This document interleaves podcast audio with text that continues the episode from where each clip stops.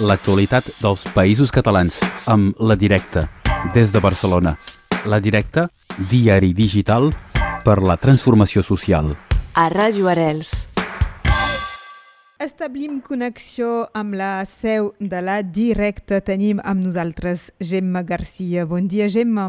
Bon dia, Laura. Avui parlarem de, de salut i començarem amb la salut mental de, dels adolescents. Exacte, hem volgut posar el focus a través d'un reportatge en la salut mental de l'alumnat al, als països catalans, perquè, bueno, com, bé, com bé sabreu, darrerament s'han produït casos de suïcidis i també d'autolesions a diferents centres educatius, i tenim unes dades molt colpidores, no? que el suïcidi és la principal causa de mort en joves d'entre 15 i 29 anys als països catalans, i que el 2021 de 1.068 suïcidis, 4 van ser de menors de 15 anys i 83 d'adolescents d'entre 15 i 29 anys. No? Per tant, diguéssim que les dades em apunten a la gravetat de, de la situació eh, i a la temperatura de la salut mental d'aquests adolescents i el reportatge replega, replega diferents veus, especialment del País Valencià, on s'estan fent intents per desplegar protocols d'intervenció en cas de tant d'autolesions com de conductes suïcides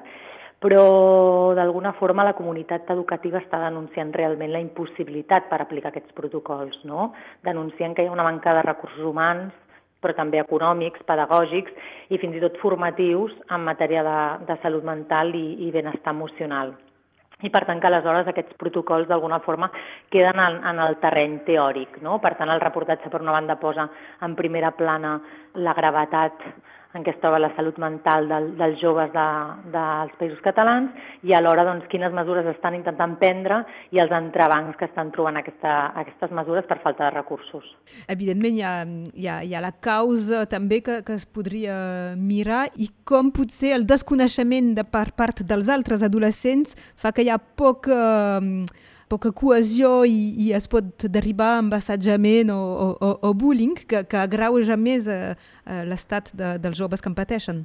Exacte, no? també veiem com, com darrerament, no? en els últims, els últims anys, doncs, sí que s'està visibilitzant més aquesta problemàtica de salut mental i també s'està intentant abordar des dels centres educatius, no? de forma transparent, per compartir, no? per, donar, per transmetre aquesta sensació de no aïllament no? i d'empatia de, entre, entre companys i companyes de classe i, i, i a més sí que també és cert que el, el reportatge apunta que la, la pandèmia, no? la pandèmia de la Covid-19 doncs va, va fragilitzar encara més aquesta, aquesta salut mental i aquestes condicions psicològiques del nostre, del nostre jovent, no? I que ara d'alguna forma doncs, tots aquests factors combinats estan fent, estan fent doncs, trontollar una mica aquesta, aquesta salut de, dels més joves per saber-ne més és a directe.cat. Um, Gemma, també parlem de la salut, però del, del territori en aquest cas, i, uh, i tornem a, a tractar del cas de l'Art Rock. Exacte.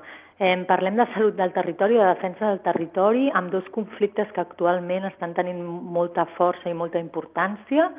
Un conflicte s'està donant al marc de, de Catalunya, és el que bé dius del, del projecte de megacasino Hard Rock, ja en vam parlar la setmana passada perquè hem estat realitzant algunes investigacions que tenen a veure amb irregularitats pel que fa a la, a la concessió de la llicència, però hem de dir que aquest cap de setmana hi ha hagut una, aquest cap de setmana passat hi ha hagut una mobilització molt potent a Tarragona contra, contra aquest projecte Eh, I que, a més, aquest projecte de moment doncs, estan havent també moviments polítics i de moment s'ha retirat ahir que hi havia la comissió d'urbanisme on s'havia d'abordar l'aprovació del prediacte urbanístic, doncs es va retirar aquest punt de l'ordre del dia i per tant veiem que aquest projecte no té ni molt menys el camí aplanat i en part gràcies no, a aquesta, a aquesta lluita aquesta lluita de la plataforma Aturem Hard Rock. I, també, I per altra banda, això. tenim un altre gran conflicte en marxa, on també hi ha una organització social molt forta, que és el projecte d'ampliació del Port de València.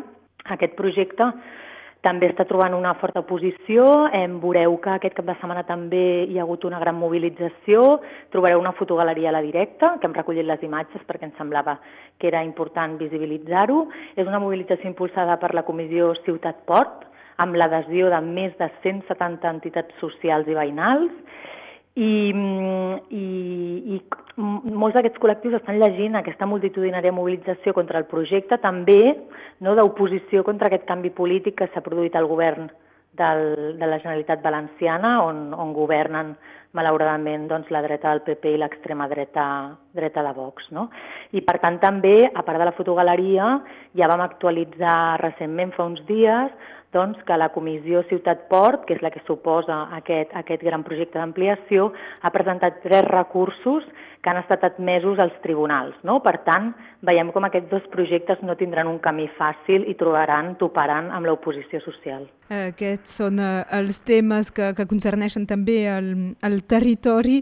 Aquests i molts altres uh, temes uh, a retrobar dins de la web de la Directa, a directe.cat, i ens ho ha explicat la Gemma Garcia. Moltes gràcies, Gemma. A vosaltres, bon dia. Que vagi molt bé, adeu, bon dia l'actualitat dels països catalans amb La Directa, des de Barcelona.